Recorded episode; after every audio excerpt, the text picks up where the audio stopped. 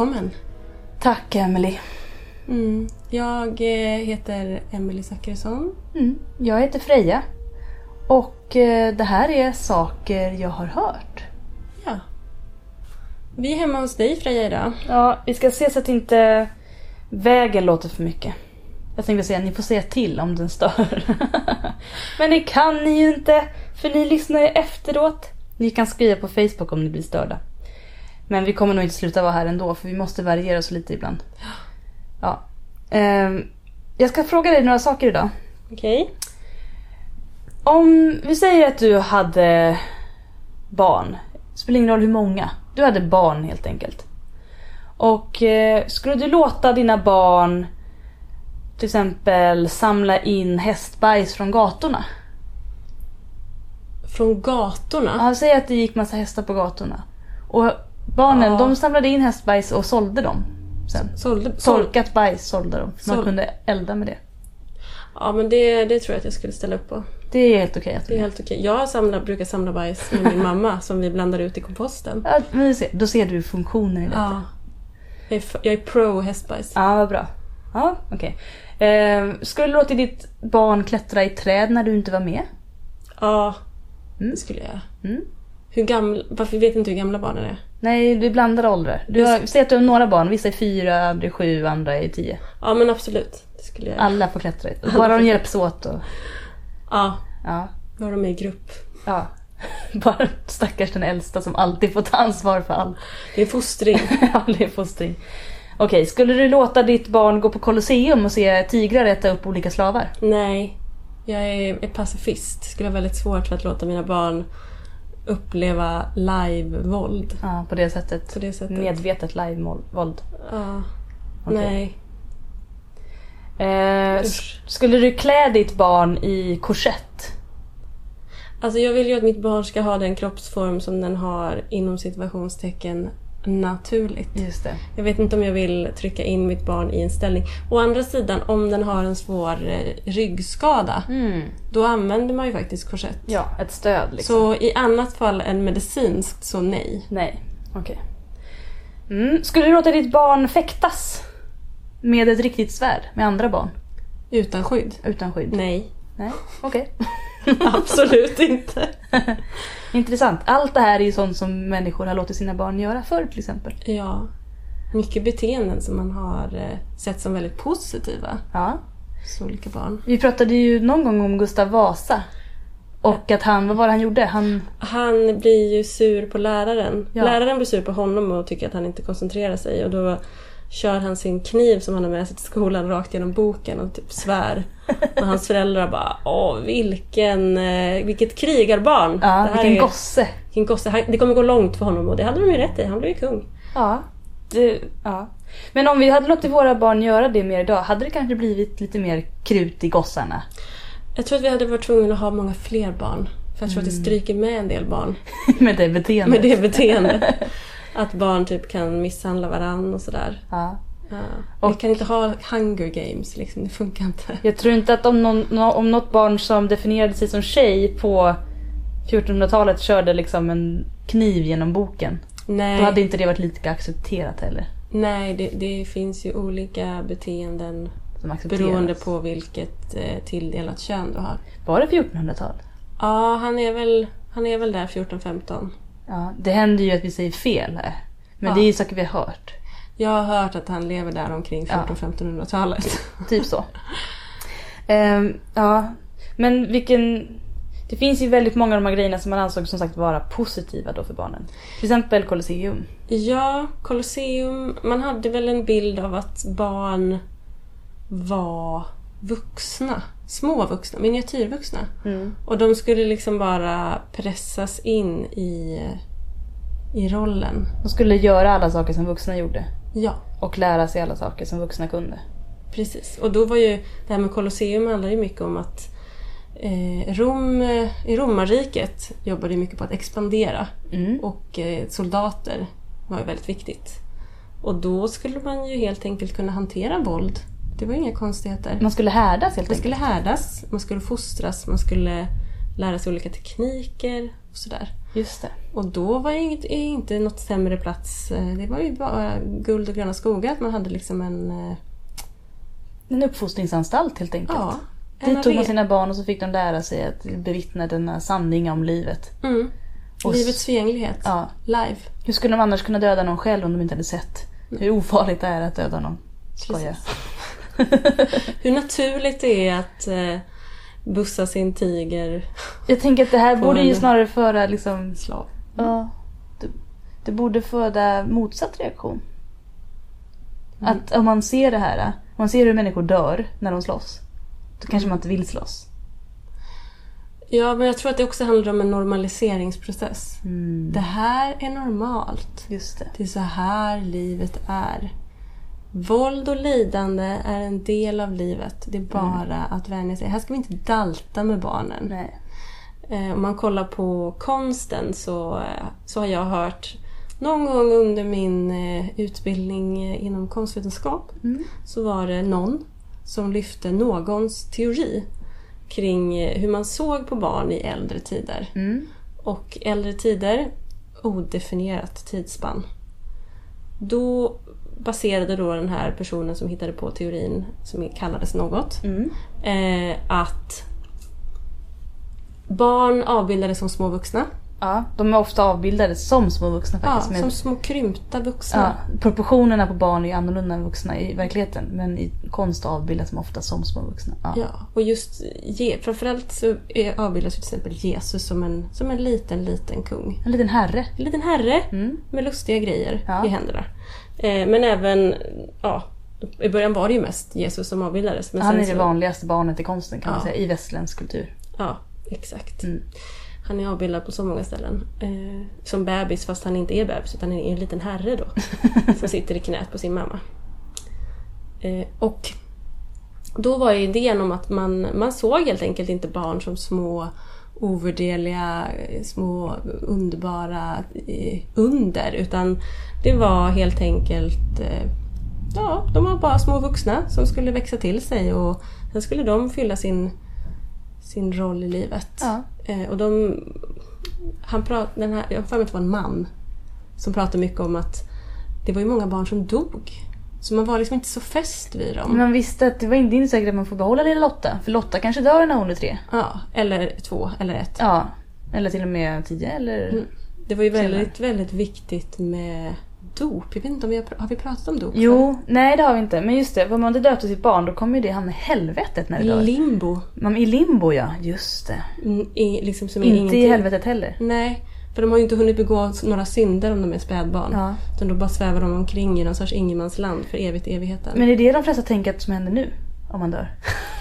Ja, nej, jag tror att, för att man är medveten i limbo. Aha. Det är bara en evighetstomhet. Men man brinner liksom inte eller så. Utan det är bara tomt och meningslöst.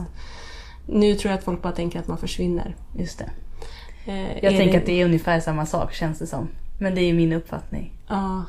Men det är för att jag inte kan acceptera att mitt medvetande kommer försvinna. Men det fanns ju ett problem med det här med dopet. Mm. Eh, När Sverige var katolskt Mm. så tänkte man ju att vattnet i dopskålen var heligt. Och det fick man absolut inte hålla på att byta ut hur som helst. Oj då. Det fanns framförallt inget avrinningshål i dopfunten.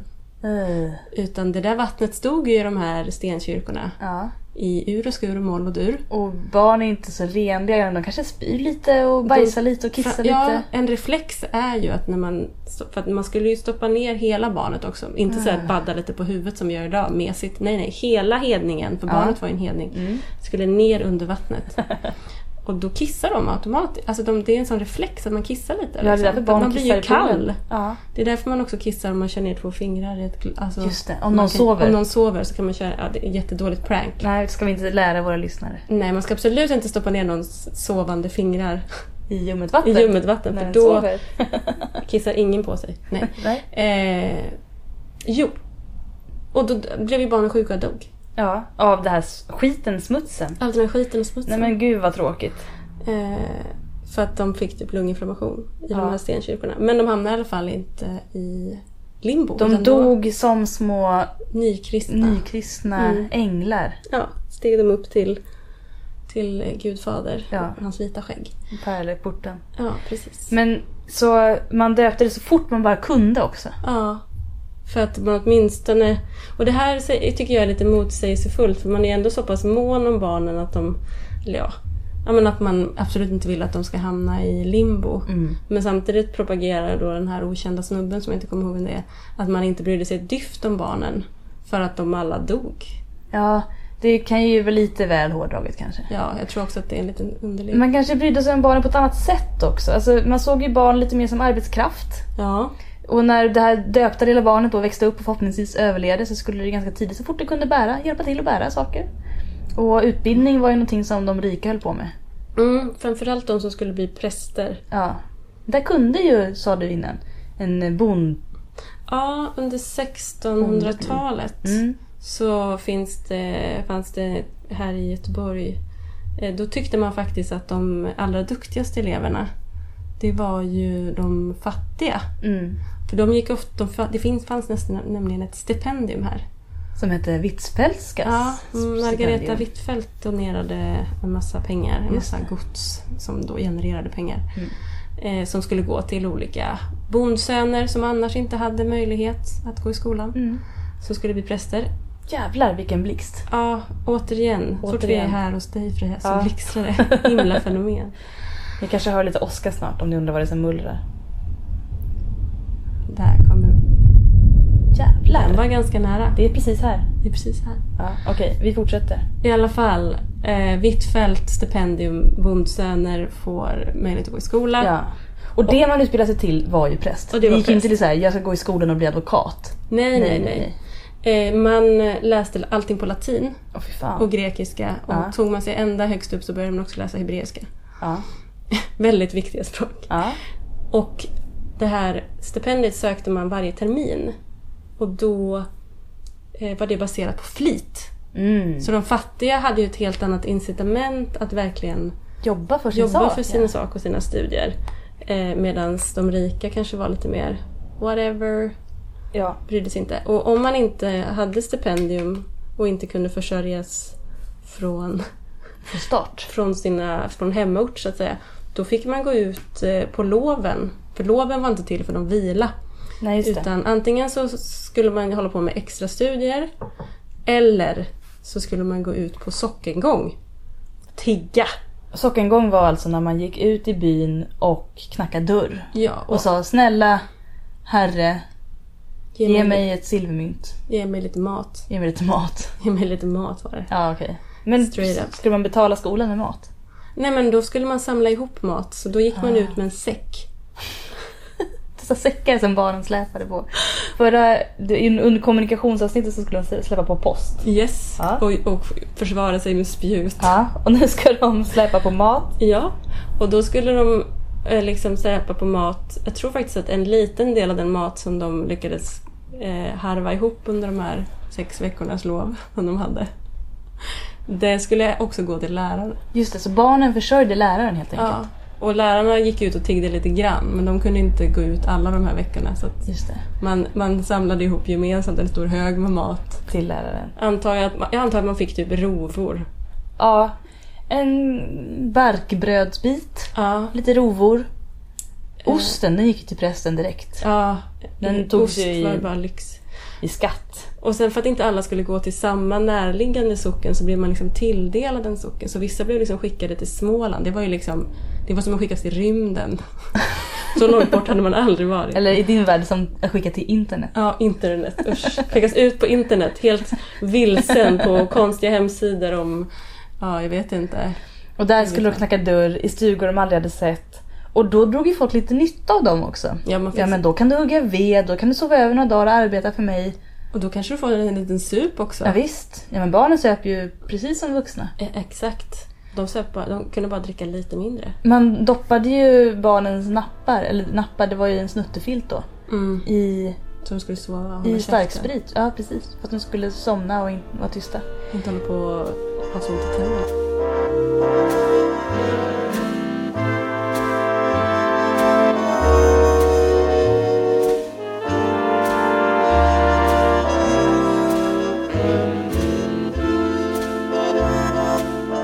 Men jag tänker på det här också att, ehm, att ge läraren mat.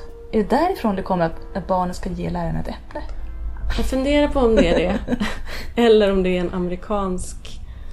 Eh, precis som att tomten är röd. Ja, Att det är någon sorts ja just det. idyllisk... Någon senare efterkonstruktion eller någon idé om eh, det- hur man ska vara mot varandra. Men ja. det kanske ändå är... Jag tänker de, de, som, de, Ja. de vita personerna som oftast syns i media i, från USA. Ja. De kommer ju ofta någonstans från Europa. Där man kanske hade såna här Ja, skolsystem. men det kanske är möjligt att man liksom skulle... Man stod väl... Man, man, kom liksom... Kom upp på någon sorts eh, bonuslista om man Ja. gav den stackars utsvälta läraren en liten... Extra fint äpple Ja. som man plockade idag eller något. Ja, jag vet inte. Det här spekulerar vi bara. Nu spekulerar vi vilt. Men okej, så då kunde en bondson bli präst. En bond, bondflicka det- kunde inte Det var liksom... få det här. Nej. Det här, och prästyrket som jag förstod det var typ det enda yrket som kunde... Man kunde göra en klassresa i. Ja. För att det ska man ju också komma ihåg att eh, under, under de äldre tiderna Mm. så var man ju väldigt, väldigt låst vid sin, eh, ja, sin ekonomiska... ja. Sitt kast kan man säga. kast. Ja. Den, den eh, ekonomiska position man föddes in i var oftast där man dog. ja. Det skulle jag säga stämmer för romarriket. Jag menar det var ju bara rich bitches som gick till Colosseum och också återigen bara gossar ja. som släpades dit för att titta på partykalaset. Och, Men grekerna, de gick ju också och tittade på olika människor som gjorde olika saker. ja, Men det var ju av en annan orsak. Och då var det ju ynglingarna själva som skulle hålla på med friidrott och så. Så man gick ju inte och tittade på friidrott och sport för att man tyckte så bara att man hejade på något, liksom, någon speciell atlet eller så. det var en helt annan sorts supporter kan man säga. Ja, så de som utförde den här sporterna, de var ju nakna. De var unga män. Och de var ju nakna dels för att visa sin mandom också då. Att visa att de, att de höll på att bli män Mm. på olika sätt. Och när man tittade på de här äh, olika spelen så var det inte bara sporten och skickligheten man bedömde utan det var ju deras utseende. Det var det vackra kärlet. Ja.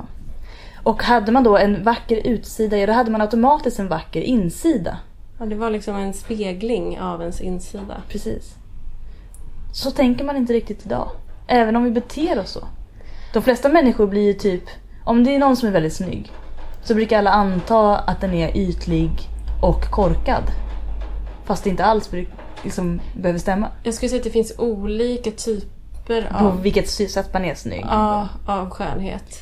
Det Men det finns ju liksom inte en automatisk koppling där. Om man säger. Vi har ju gått ifrån den här, om man inte uppfyller de fysiska eh, mediaidealen så är man automatiskt en dålig människa. Mm. Ja. Det är ju inte den parallellen vi drar idag men det var lite så, det var lite så grekerna jobbade. Ja.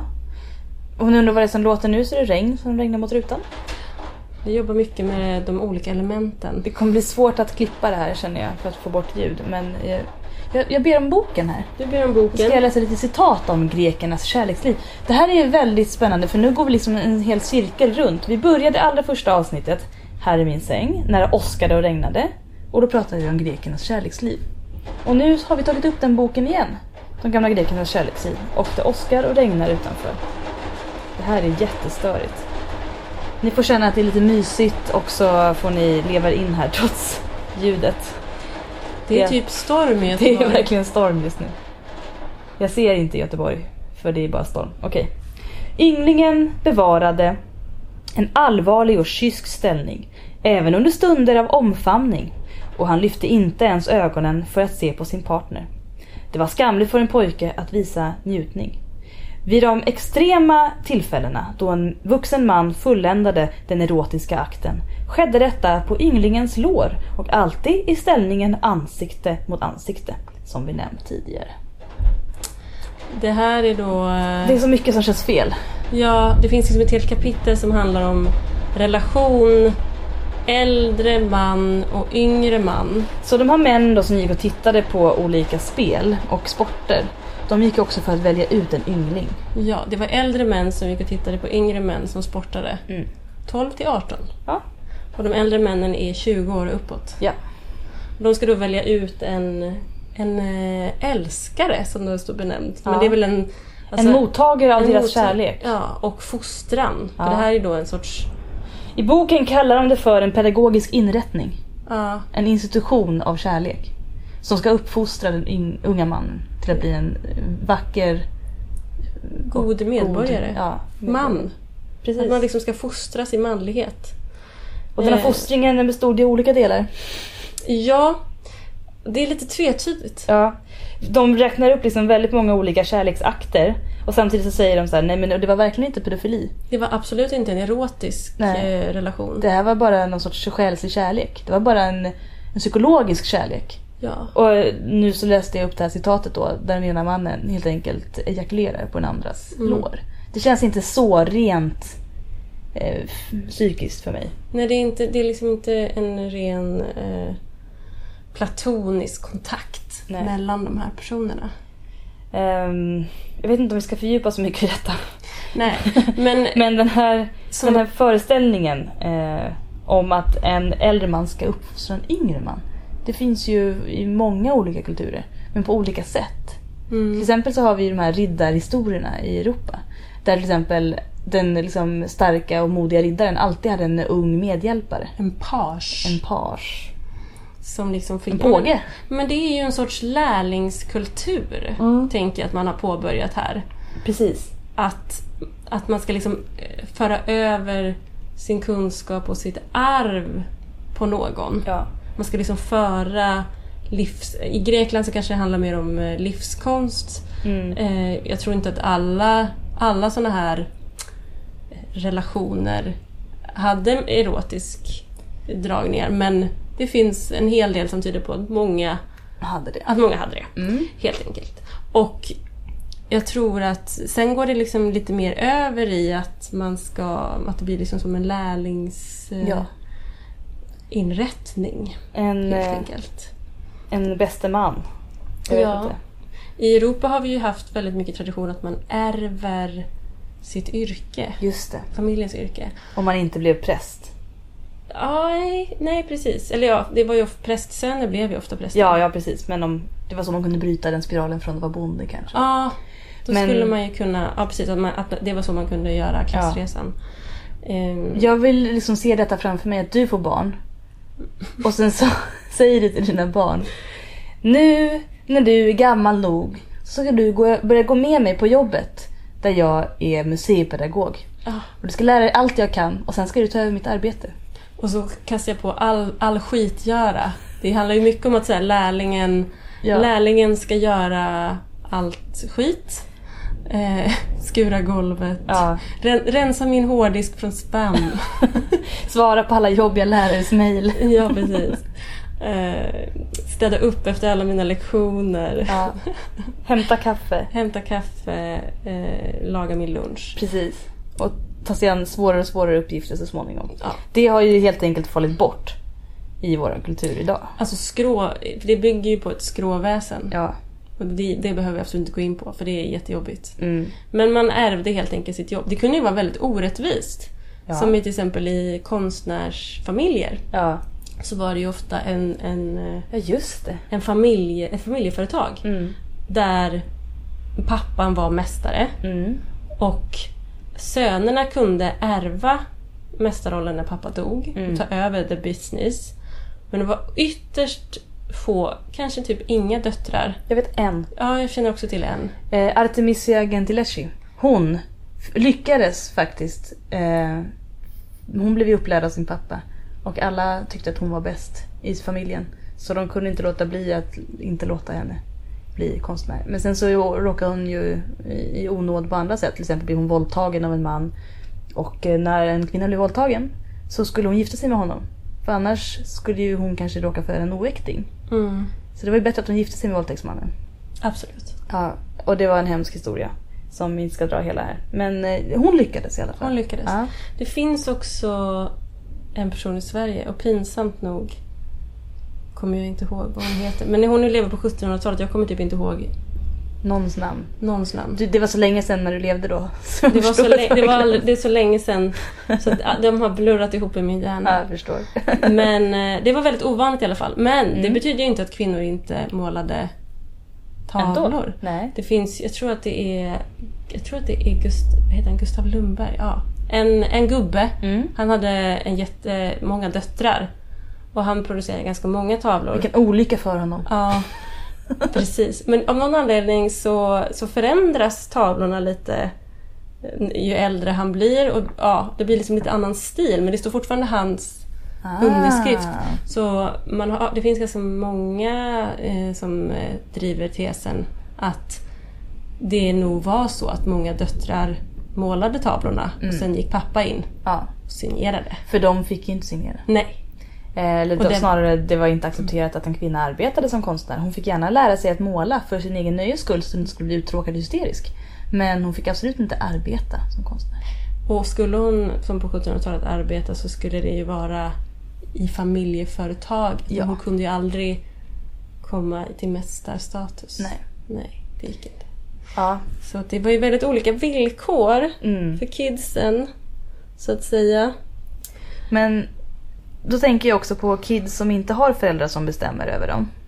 Ja, Och det finns till exempel en film som är populär nu, som går på bio, som heter Mowgli. ja Men det är ju en gammal berättelse. det är det. Och innan den första Mowgli, Djungelboken, eh, den heter inte alls Mowgli, den heter Djungelboken. Mm. Ja, det handlar om en, ett barn som heter Mowgli. Men den, innan Djungelboken skrevs så finns det ju väldigt många olika berättelser om barn som har blivit lämnade i skogen och uppfostrade av vargar eller apor eller vad det kan vara. Mm. Det finns ju till och med ett modernt exempel i Indien där man hittade en flicka som hade vuxit upp bland vargar. What? Och hon betedde sig som en varg. Det gick inte att lära henne att prata. Eller att sitta på en stol. Hon bet alla som kom i närheten. De lyckades väl på något sätt tämja henne. Jag vet inte. Men, usch, en hemsk historia. Men alltså under 1900-talet. Alltså hemskt att hon blev tämjd. Ja, men man fick ju tämja henne som en varg. Hon var ju vild. Man kanske inte ska skratta åt det. Men det är ganska liksom... Det är också ganska fascinerande att tänka sig de här forskarna och liksom hur de tänker att det finns, det finns en människa där inne. Hur ska vi nå den? Vi måste, vi måste civilisera Ja, den här precis. personen. Den här vilden. Men hon vill ju inte bli civiliserad. Mm. Hon vill ju vara med sin vargfamilj. Ja. Men, men Mowgli, det, där är det ju mycket att, eh, att han är, står för någon sorts civilisation. Som man ska liksom då visa djuren att han kan och imponera på och hjälpa dem. Ja, att han liksom har ändå någon sorts mänsklig urnatur i sig. Mm. Han blir också uppfostrad väl av... Det är vargar. Är det vargar? Ja. Ja, just det. Det är Tarzan som är... Ja. Och då kan vi gå över till det. För när jag såg Djungelboken nu så tänkte jag, jag var så frustrerad i slutet och tänkte men jag vill veta hur det går på riktigt. Liksom inte bara i slutet av den här historien. Jag vill veta hur det blir när han växer upp. Han kanske blir tonåring. Han kanske är jättekåt. Han kanske vill... Jag vet inte, han kanske längtar efter att ha mänsklig kontakt.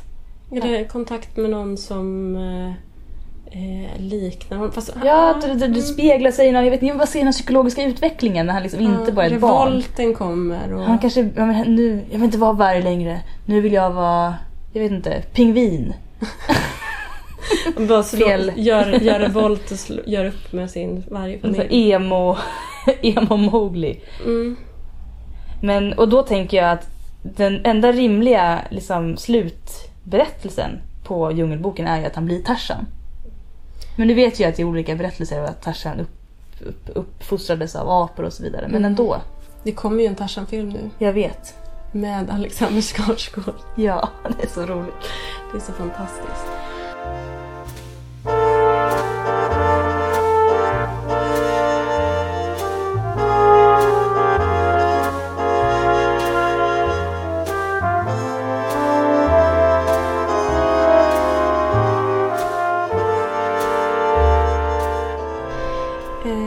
Ja, sidospår. Sidospår. Uppfostran. Då, det har ju varit lite olika här. Vi har, nu har vi kommit till eh, närmare tiden, tänker jag. Ja.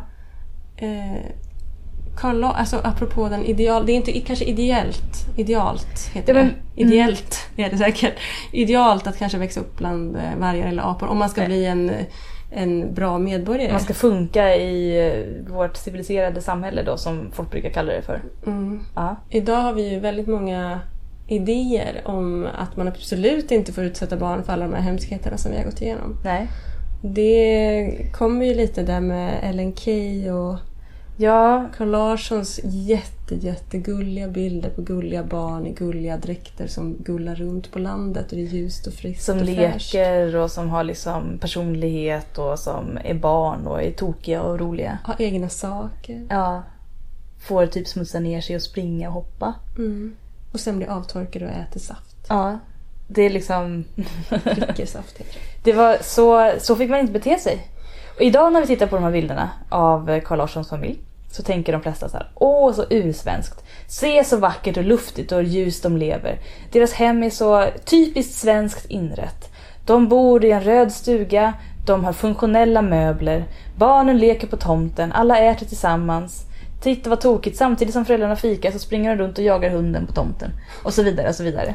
Och alla de här eh, bilderna av liksom när barnen drar av sig strumporna och pysslar och ler och spelar piano och klär ut sig till olika saker. Eh, det var ju otroligt radikalt på den tiden. Så fick man inte avbilda barn. Nej. Och så skulle man inte klä dem. Man skulle, man skulle ha, de skulle gärna ha striktare kläder. De skulle sitta still och vara tysta. De skulle lyssna och inte störa och inte prata om de inte ville tilltala det. Men nu så, så skulle de plötsligt leka och få ha en fri vilja. Och liksom röra på sig. Det var ju mycket det här med att eh, föräldrarna inte umgicks med sina barn. Ja. Att man liksom hade att barn... eh, Från att ha varit liksom samma värld och, och barn ska vara som vuxna fast mindre. Så gick man ju mer och mer till att man skulle... Ja, om man var fattig så var det ju så. Men om man kom från, hade lite mer pengar då skulle man ju helst ha någon som jobbade hemma hos en och var med ens barn. Mm. För det kunde man ju inte vara med själv. Nej. Eh, Då skulle de alls. bli alldeles för kopplade till föräldern. Ja, då skulle man få en massa känslor och sådär. Det, Ja. det var inget bra. Eh, och så kom Carl Larsson och bara Hallå, nu ska vi ha mys. Nu leker jag med min dotter här och Ja. målar av det. För han var ju ändå en kändis. Ja. Men eh, de här bilderna var inte tänkta att bli offentliga från början. De var ju ofta, många av dem var i alla fall beställda av paret Fürstenberg. De hade inga egna barn. Just det, de hade inga egna barn. Och de älskade de här bilderna och beställde fler och fler. Mm. Och så hamnade de så småningom på Göteborgs konstmuseum, inte alla, men några stycken. Och eh, där har ju också hela paret Fürstenbergs samling hamnat. Sen vet inte jag om han fortsatte måla de här bilderna sen för att han tyckte om dem. Men jag vet att de var i alla fall uppskattade av det här paret då, som inte hade några egna barn. Som ville ha det här stojen och leken och buset som de inte fick. Men eh, det var ju inte någonting som de flesta andra barnfamiljer eftersträvade. De ville ju som sagt ha ett barn som de kunde styra Mm. och ha lite distans till. Och som respekterade dem. Man skulle ju ofta använda barn i liksom politiska spel eller strategier. Liksom. Mm. De var ju dels alltså för en, en eh, fattigare eh, i, I ett fattigare sammanhang så var det ju en arbetskraft och i ett rikare sammanhang så var det ju en, en spelpjäs. Precis. I det strate, strategiska spelet Den som dör rikast vinner. Ja, och eh, det gäller att hålla rikedomen inom familjen och Ja. gifta sig med ännu rikare familjer. Då gäller det att ha ett bra parti i sina barn. Det är ju någon, är det Victoria, eh, Victoria den första eller någonting som får så här sju helvetes massa barn. Och sen så gifter hon, det är någon i, Ja, ja. i England Just det. som gifter bort alla sina barn med olika eh, med, med Prinsar. prinsar och prinsessor ute i Europa Ja. och eh, så blir det fred. Ja. För att eh, då minsann, då, Då- brå, man bråkar inte med sin släkt. Nej, precis. Säg det till Gustav III som anföll Ryssland. Eh, där hans kusin satt på tronen. Ja, men han hade ju lite problem med familjen. Ja, Det hade han faktiskt. det hade han faktiskt. Men eh, ja, precis. Så man använde barnen som eh, en strategisk pjäs. De var ju också väldigt bra när man blev gammal och sjuk. Så fick de ta hand om en. Ja. Och eh, det förväntades ju att mm, hade man inga barn, ja då var man ju, då dog man i förtid och man dog fattig. Mm. Men barnen kunde hjälpa en att bli rik och hjälpa till på gården och ta hand om den när man blir gammal och sådär. Åtminstone se till så att man överlevde så länge som möjligt. Ja. Och idag ser vi det som någonting liksom, en, eh, vissa ser nästan barn som en lyxvara. Att såhär, men har du råd nog att skaffa barn och, eh, inte lyxvara, men liksom att man, man, man ser det som en investering. Ja, men- och också att man kanske gör det... Är det verkligen rätt tidpunkt? Mm. Eh, att det liksom är, det är väldigt mycket planering. Men det måste vara perfekt och du måste ha rätt plats och dagis och Mm. Alltså det är väldigt, väldigt mycket jobb med de här extremt få barnen som Ja. vi faktiskt skaffar idag. Man lägger ner allt på det här barnet. Men ge barnet någonting tillbaka då. Ta barnet hand om dig när du är gammal. Nej, Nej, får du några pengar när du gifter bort din dotter? nej, Nej. nej, vi jobbar inte så. Nej. Idag är det ju Idag är det nästan som att vi eh, avgudar barnen. Det handlar om kärlek idag. Ja, Förhoppningsvis. Det är i alla fall det som media och allting säger till oss att det ska handla om. ja. Men det är liksom som att vi har börjat dyrk, dyrka barnen, tycker jag. Lite Mm. grann. Man, eh, jag är lite så här sucker för roliga, inom situationstecken, roliga eh, inredningskonton. Mm. Och där är det ju jättemycket barn. Som är härliga. Som är härliga. Som är typ utklädda till Madicken. Ja. Och så här smyger runt i härliga sekelskiftes eh, inredda hem. Och allting är så härligt och vitt. Och de sitter på borden och de bull, tappar bullar på golvet. Ja, och hemmabakade bullar. Ja, då, surdegsbullar. Ja, som man har bakat tillsammans och de är mjöliga. Ja. Ja, men det finns någon sorts... Det är, det är som att de, varje barn är heligt. Ja. Och det är ju fint. Och men då ska man inte utsätta dem för hemskheter heller. Nej, man ska skydda då. dem till varenda pris. De får inte gå på Colosseum. Nej, definitivt absolut Men inte. de får gärna se Tarzan. När han dödar Men apor. det är ju på och- låtsas. Ja men precis. Och de får se Stålmannen när han liksom bankar skiten ur skurkar. Och de får gärna plastvapen. Ja. De får leka allt det här våld som de aldrig kommer kunna se. Mm. Eller uppleva då. Men vi ska ändå skydda dem.